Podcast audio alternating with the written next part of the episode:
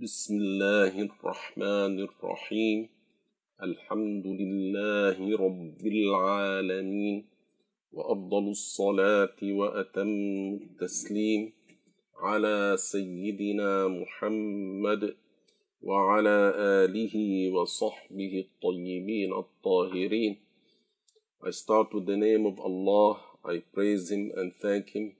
I ask Allah to raise the rank of Prophet Muhammad and to protect his Muslim followers from whatever he feared for them.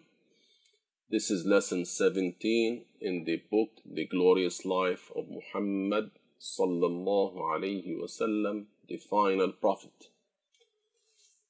So we mentioned that in, in between and after the victories in the three main battles, Badr in Ramadan of 2 Hijri, Uhud in Shawwal of 3 Hijri, and Al Khandaq, Al Khandaq, which is the trench or the allied factions in Shawwal of 5 Hijri, the Prophet sallallahu alaihi wasallam dealt with the Jewish tribes of Medina who were stirring each other against the Muslims.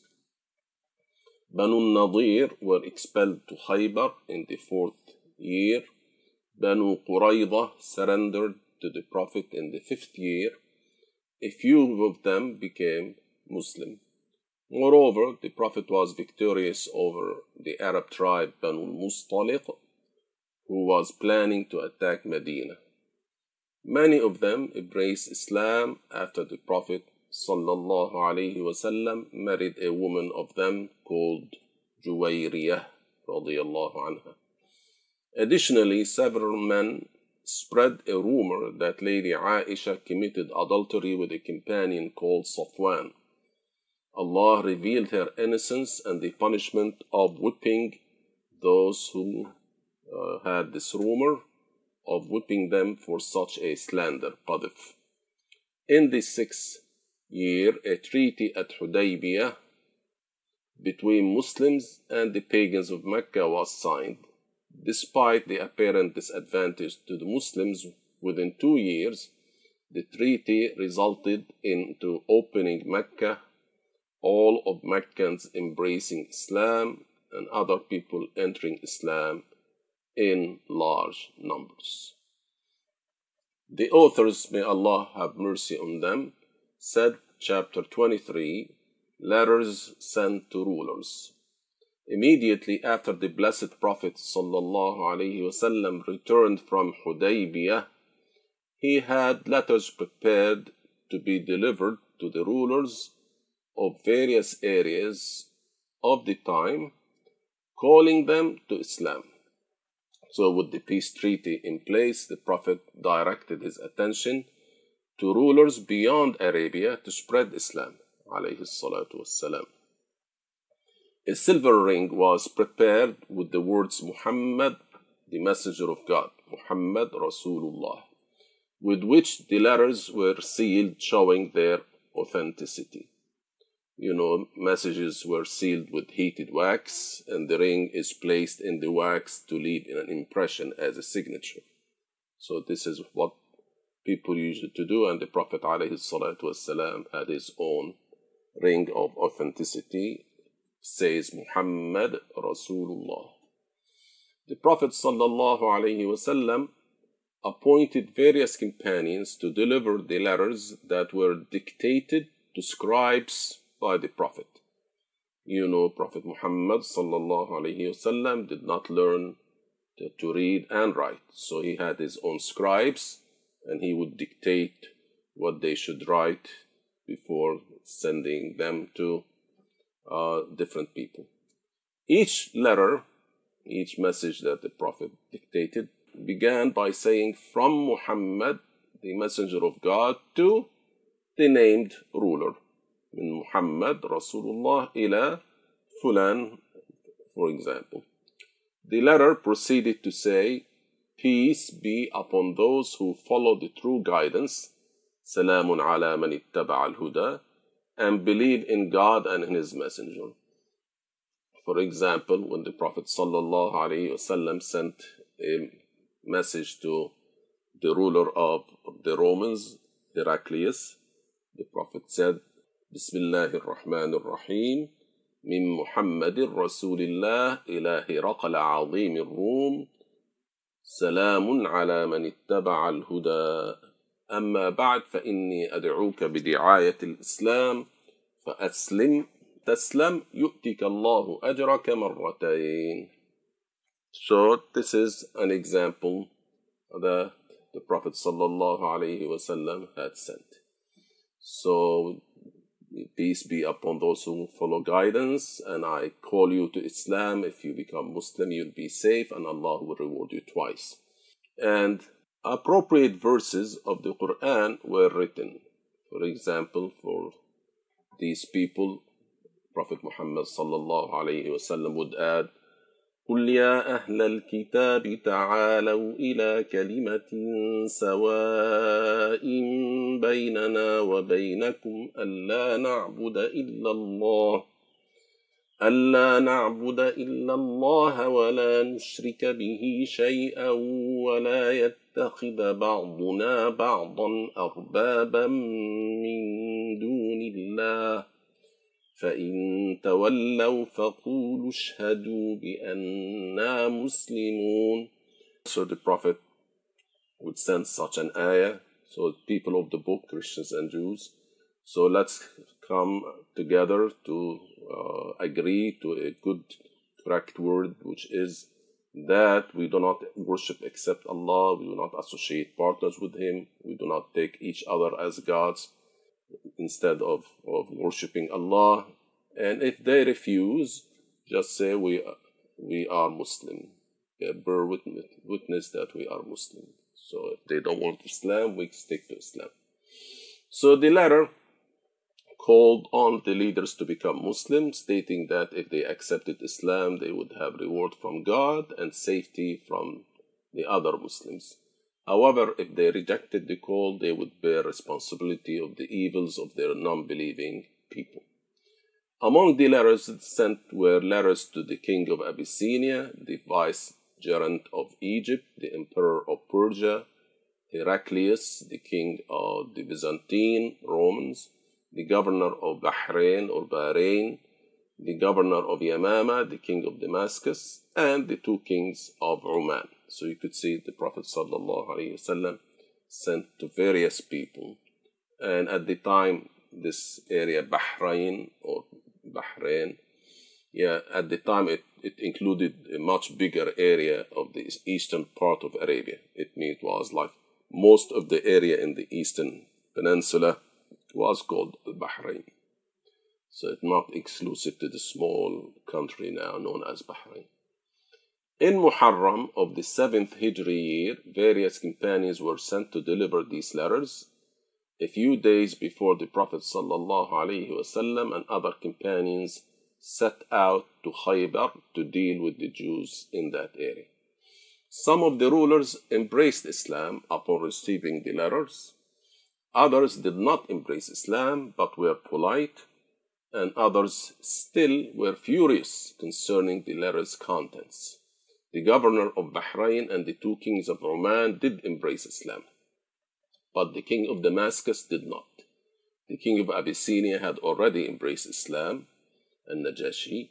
The Prophet ﷺ sent him a letter which the king treasured the Prophet ﷺ asked that the Muslims who had emigrated to his country be sent back. They returned to Arabia during the battle at Khaybar. The king of Abyssinia died several years after receiving the letter, shortly after the battle of Tabuk in Rajab 9th Hijri. The Prophet ﷺ announced his death to the companions and prayed the funeral prayer for him. The Prophet said, مات أخوكم النجاشي رجل صالح and then he told them, let's pray, let's pray al-janaza for him.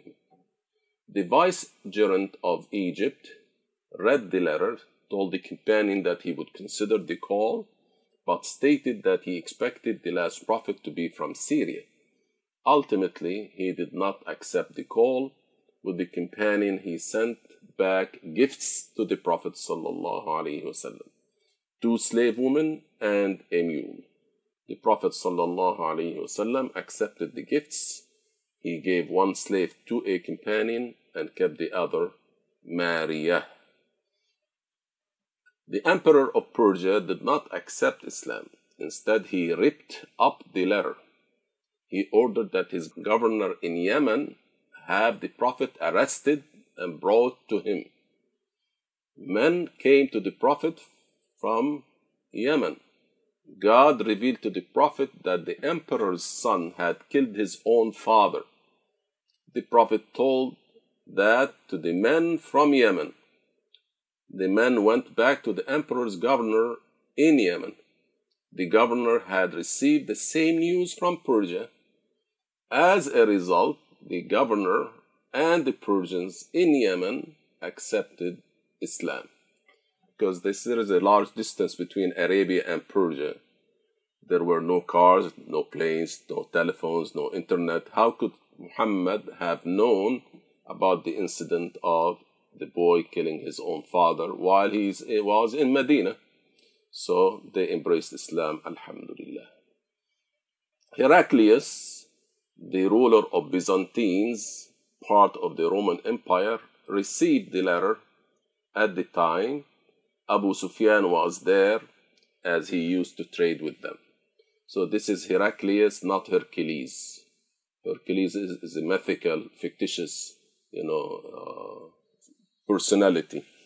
But Heraclius, Herakl, Adim al-Rum, this is what we talk about. So Heraclius, the ruler of the Byzantines, part of the Roman Empire, you know, the Roman Empire split into two parts the eastern called Byzantines and the western called Rome. So he received the letter at the time Abu Sufyan was there, as he used to trade with them. Heraclius proceeded to ask Abu Sufyan many questions about the Prophet. At that time, Abu Sufyan had still not embraced Islam. However, Heraclius had arranged a setting where Abu Sufyan found it hard to lie about the Prophet, for if he did, he feared that his friends with him would consider him to be a liar. It looked like Heraclius was about to embrace Islam, as he even asked his people if they would like that he would. His people showed their disdain to the call, and Heraclius did not embrace Islam. However, he did send presents back with the companion, the, one who carried the message.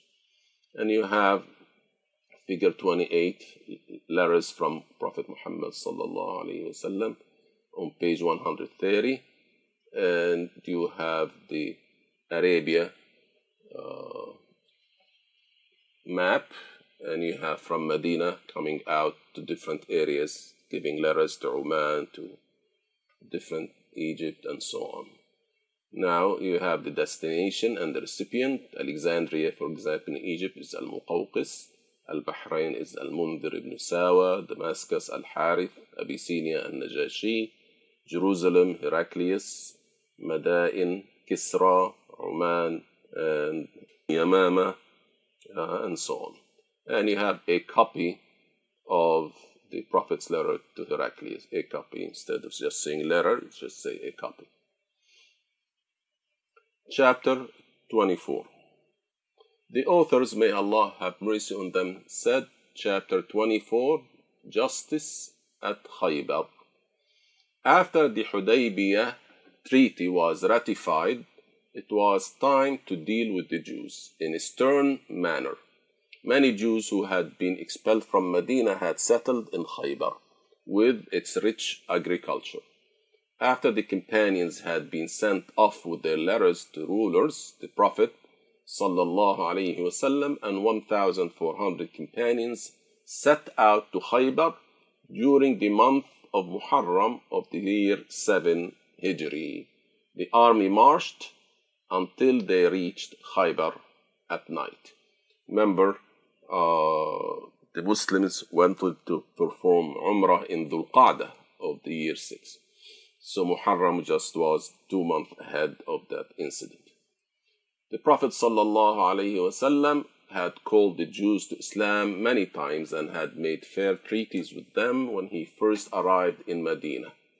However, most of them refused to become Muslim, even though their top scholar, Abdullah ibn Salam, did embrace Islam as soon as the Prophet came to Medina.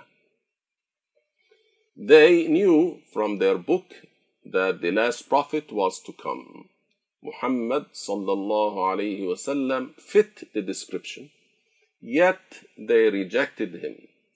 God made miracles appear at the hands of the Prophet, but they were mad that Muhammad sallallahu alayhi wasallam was from the descendants of Ismail, Ishmael, instead of Ishaq, Isaac. You know, Prophet Ibrahim had these two sons, Ismail, from whom came the Arabs, and then the Prophet came, Muhammad, and, the, and you have Ishaq, from him came Yaqub and Yusuf and his brothers, and then from them came the tribes of Israel, and uh, so these people refused just because he came from a different lineage of Ibrahim instead of, of Ishaq, he came from Ismail. So there is no sense in, in their rejection. These Jews had breached treaties and helped the enemies of the Muslims one time after another. In Khaybar, the Jews lived comfortably in heavily fortified citadels Nonetheless, when some Jews spotted the Prophet and his army approaching, they were struck with terror. They said, the Prophet Muhammad said when he, you know, came to Khaybar, Allahu Akbar, خربت خيبر إنا إذا نزلنا بساحة قوم فساء صباح المنذرين. So he said, God is great. Khaybar shall face destruction. Behold, when we arrive to the heart of the enemy's land, it will be a bad day for those who have been forewarned. The messenger of God opened the fortresses one at a time. Before opening one of them, Prophet Muhammad sallallahu alaihi wasallam said, "Tomorrow, غدا لأعطين الراية غدا إلى رجل يحب الله ورسوله ويحبه الله ورسوله. So tomorrow I will give the banner to a man who loves God and his messenger, and he is beloved to God and his messenger. All the men hoped to be that one. Even Sayyiduna Umar radiallahu anh said, I never looked forward to, towards getting anything except on that day because I wanted to be that man whom the Prophet described as he loves Allah and his messenger, and he is beloved to Allah and his messenger. It was a great honor. Then the Prophet ﷺ gave the banner to Ali ibn Abi Talib. Ali pledged he would fight the enemies until they embraced Islam. The Prophet ﷺ answered him, saying, Ala rislika, take your time until you reach their positions. Then invite them to accept Islam and brief them on their duties towards God. I swear by God that if only one should be guided through you, through you, that would surely outweigh the best of camels. The Prophet said to him, فَوَاللَّهِ لَأَن يَهْدِيَ اللَّهُ بِكَ رَجُلًا وَاحِدًا خير لك من حمر النعم. So our Prophet وسلم, did not conduct wars for personal reasons. Instead, he did so with the desire for people to become Muslim so they would be saved from hellfire. Khaybar had two districts with five forts in the first district and three in the second, so that's eight in total. The Prophet ﷺ began his campaign by attacking the minor forts. The Jews of one fort would come to fight. Then they would give up and move to another fort. Then the Muslims would move on to the fort to which the Jews moved. Some of the big heroes of the fight besides the Prophet were Ali ibn Abi Talib, Az-Zubayr ibn al-Awwam, and Abu Dujana, may God bless them. When Ali needed a shield, he picked up a heavy door of a fort and used it as a shield. Later, after the fighting, the people found that eight men together could not even flip that door, let alone carry it. This was a miracle for the Prophet ﷺ, whom Ali was following and showed a blessing, a karamah of God upon Ali. Among the forts of Khaybar was one that was the strongest and where the women and children were kept. When the Jewish men were defeated at all the other forts, they went into this fort. The Jews stayed in the fort and threw stones and shot arrows at the Muslims from inside. The Prophet ﷺ ordered for the fort to be rammed and the Muslims entered. The Jewish men fled, leaving behind their women and children. Then the Prophet ﷺ and his men moved on to the second part of Khaybar and laid siege to it for 14 days. When the Muslims were about to ram the forts again, the Jews requested a peace treaty. The Prophet ﷺ agreed not to kill the men if they left Khaybar and the adjacent land, leaving behind their gold and silver. Although the leader of the Jews agreed, he and his brother tried to keep a bag full of wealth. When this was discovered, the two men were killed. It is reported that 93 Jews were killed in this battle and only 17 Muslims were martyred. Although the Jews were supposed to leave Khaybar, they begged to stay as workers for the victorious Muslims and also give half of all the produce to the Muslims. The Prophet agreed, as the Muslims had the upper hand, and if they showed treachery, they could be expelled. The conquest of Khaybar gave great economic benefits to the Muslims. The son of Umar, Abdullah, said, We never ate our fill until we had conquered Khaybar also, immediately after conquering Khaybar, the Prophet proceeded to conquer other nearby Jewish settlements, punishing them for their treachery and conspiracies against the Muslims. Among other events that occurred at this time was that the companions who had been in Abyssinia and returned to find Khaybar already won. In addition, Abu Hurairah became Muslim and started accompanying the Prophet sallallahu alaihi wasallam.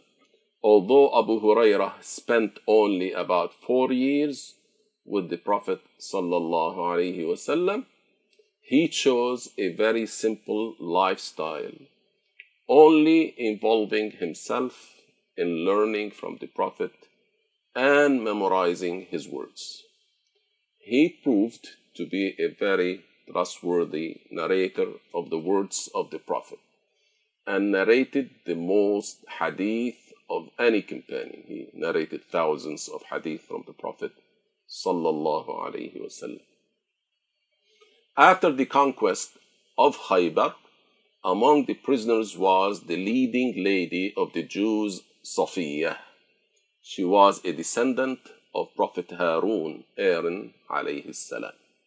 The companions insisted that it was only appropriate for the Prophet to take her.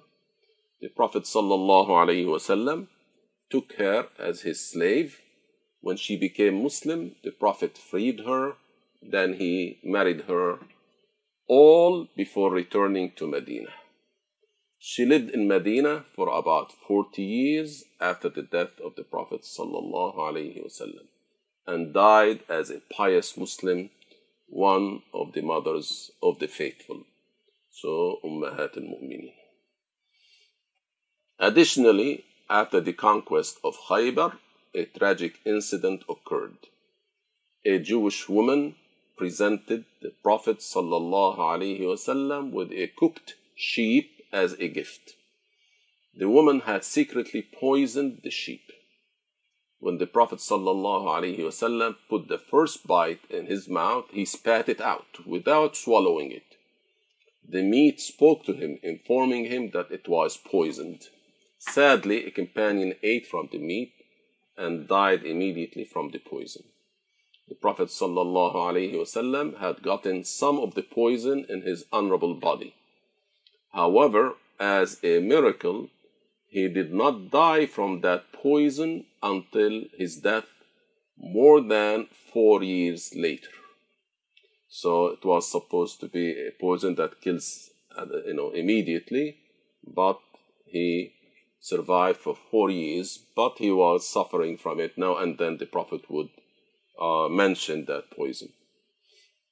During those years preceding his death, the Prophet ﷺ patiently endured the ill effects of the poison. Early in the same year, our Prophet proposed to marry the daughter of Abu Sufyan. Abu Sufyan was still a big enemy at the time.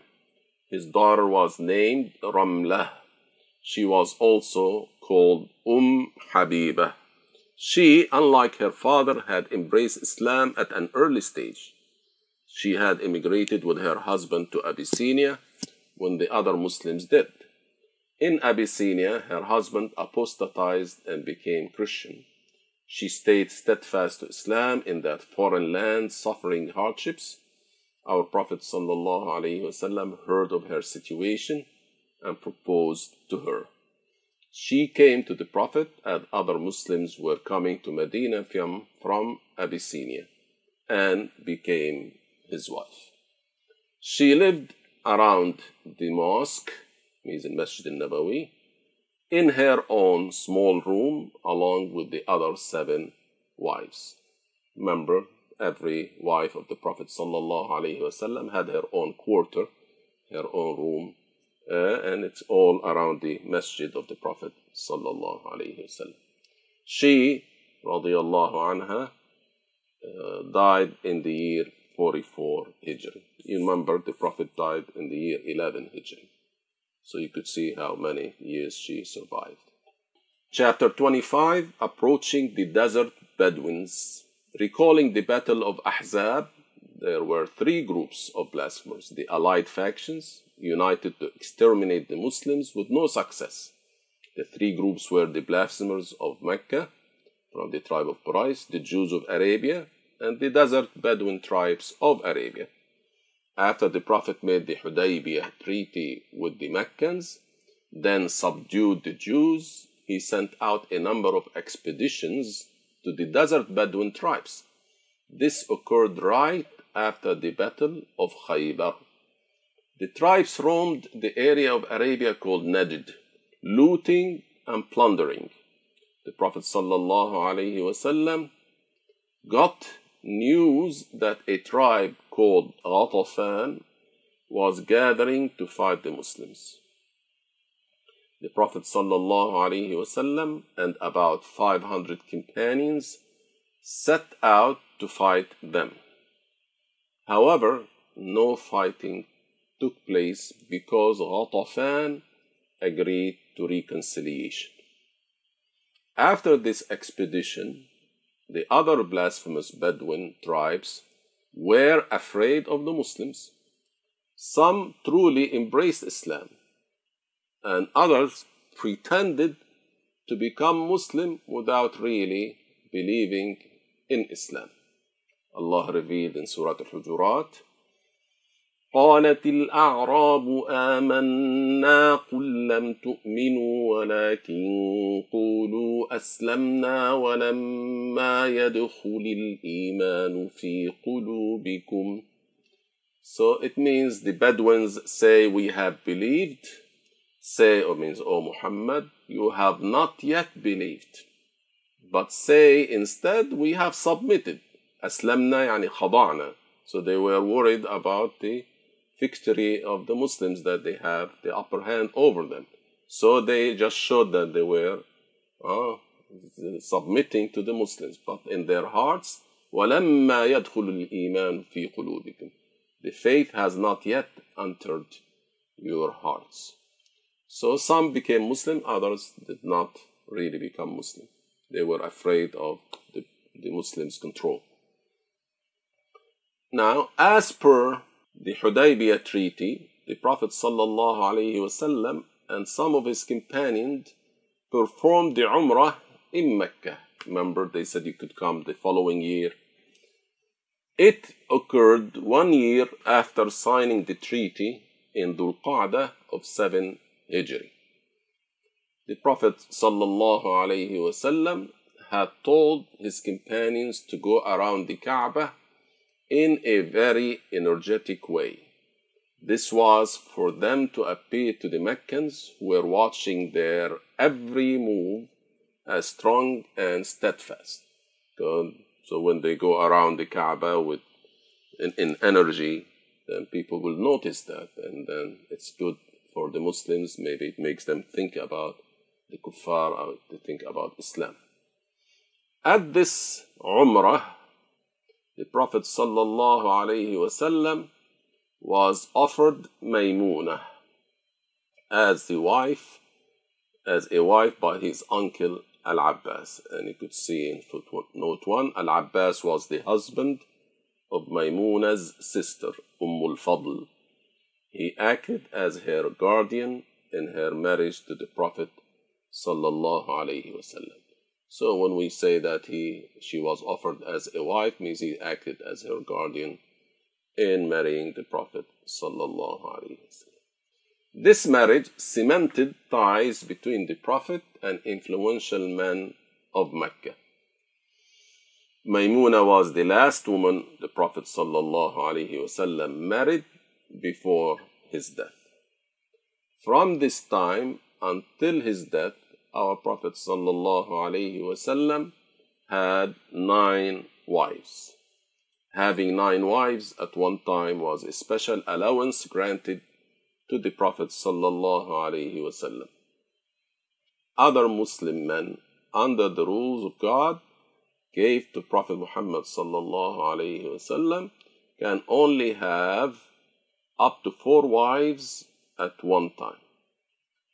After this Umrah, the Prophet ﷺ dispatched more military operations towards the blasphemous Bedouin tribes. Chapter 26 Brave men go to Mu'tah.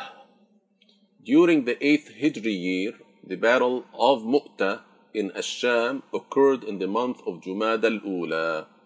Mu'tah is an area in Jordan that's part of Asham. The reason for this battle was that the Prophet ﷺ had sent Al Harith, the son of Umayr al Azdi, with a letter to Asham to the Roman ruler of Busra. This companion was intercepted by one of the allies of the Romans and was killed. When this news, when the news of this incident reached the Prophet, he was very displeased by it. Of course, this is his companion was killed, and also he was a messenger, and the common practice was that messengers would not be killed. So it was disheartening to the Prophet. sallallahu Immediately, he prepared an army to be sent to Mu'tah, a place in Jordan.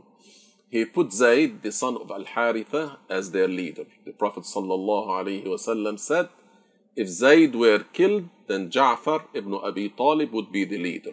And if he were killed, then Abdullah ibn Rawaha would be the leader of the army. Then the Muslims prepared themselves for the battle. Their number was large, 3,000 of them, similar to the number of Muslims who participated in the Battle of Ahzab. The Prophet ﷺ did not go. And remember, if the Prophet goes out on a campaign, then it's called Ghazwa, or else it would be called Sariyah. The Prophet said that if it were not for the needs of some of his followers, he would have gone to every battle. He advised them to go to the scene of Al Harith's murder and invite the people to Islam.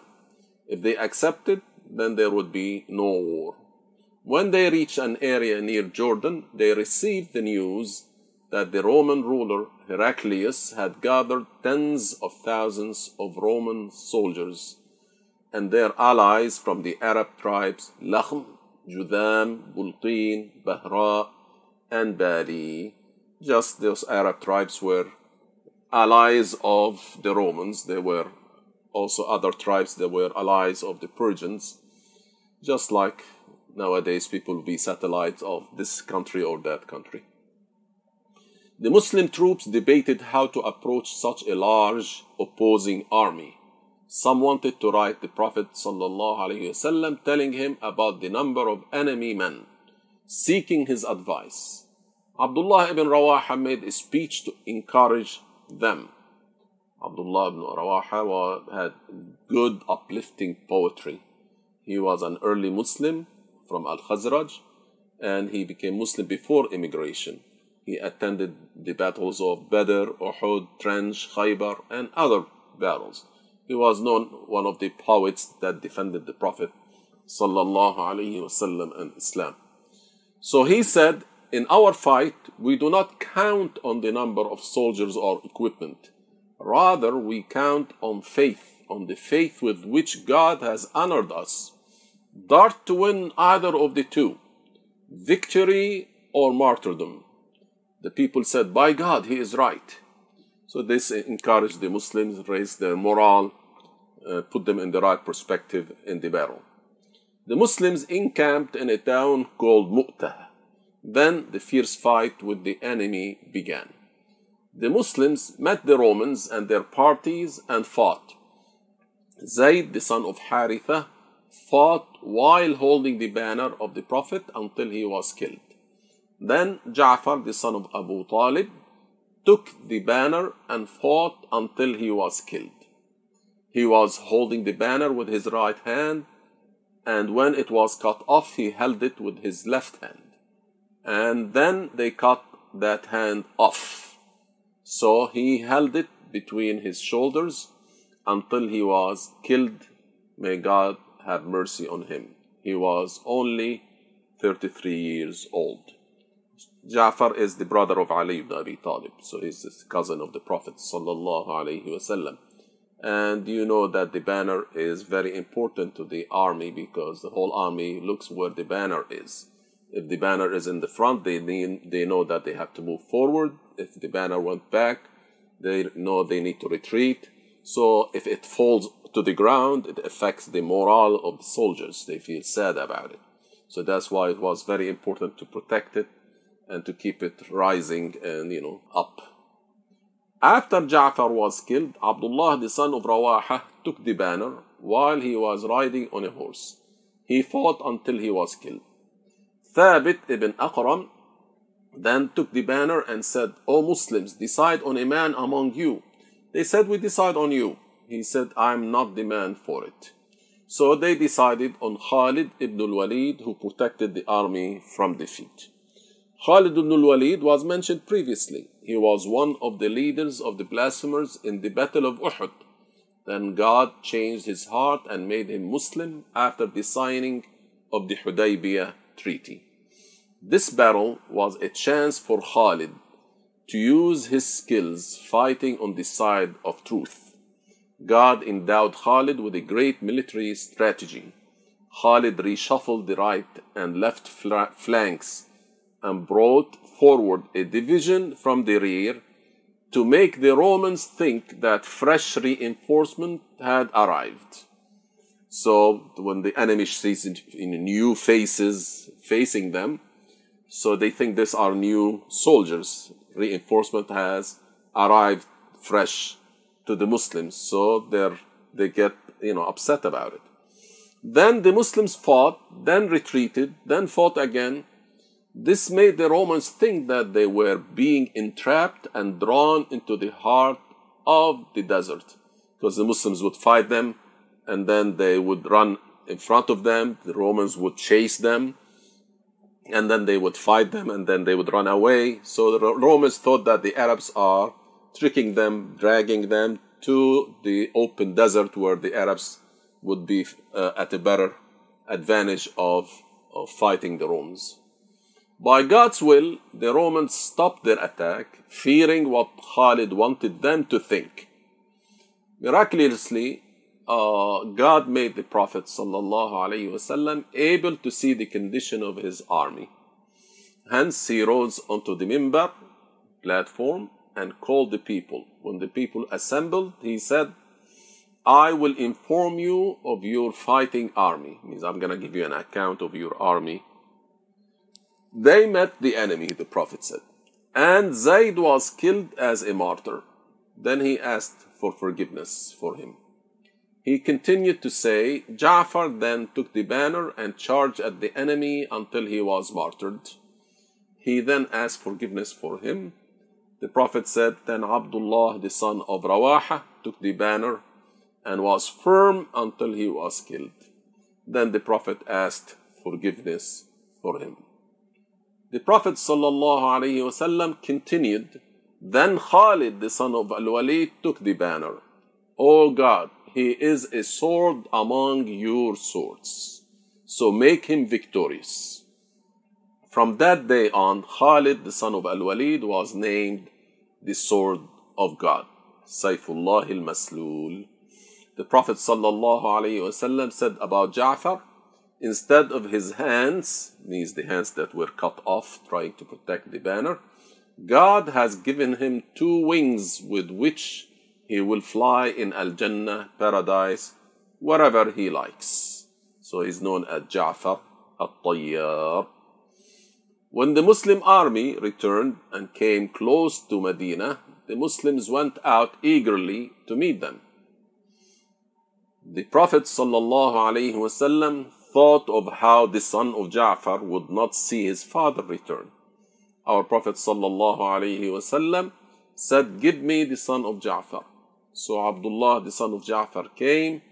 The Prophet ﷺ took him and comforted him concerning the death of his father.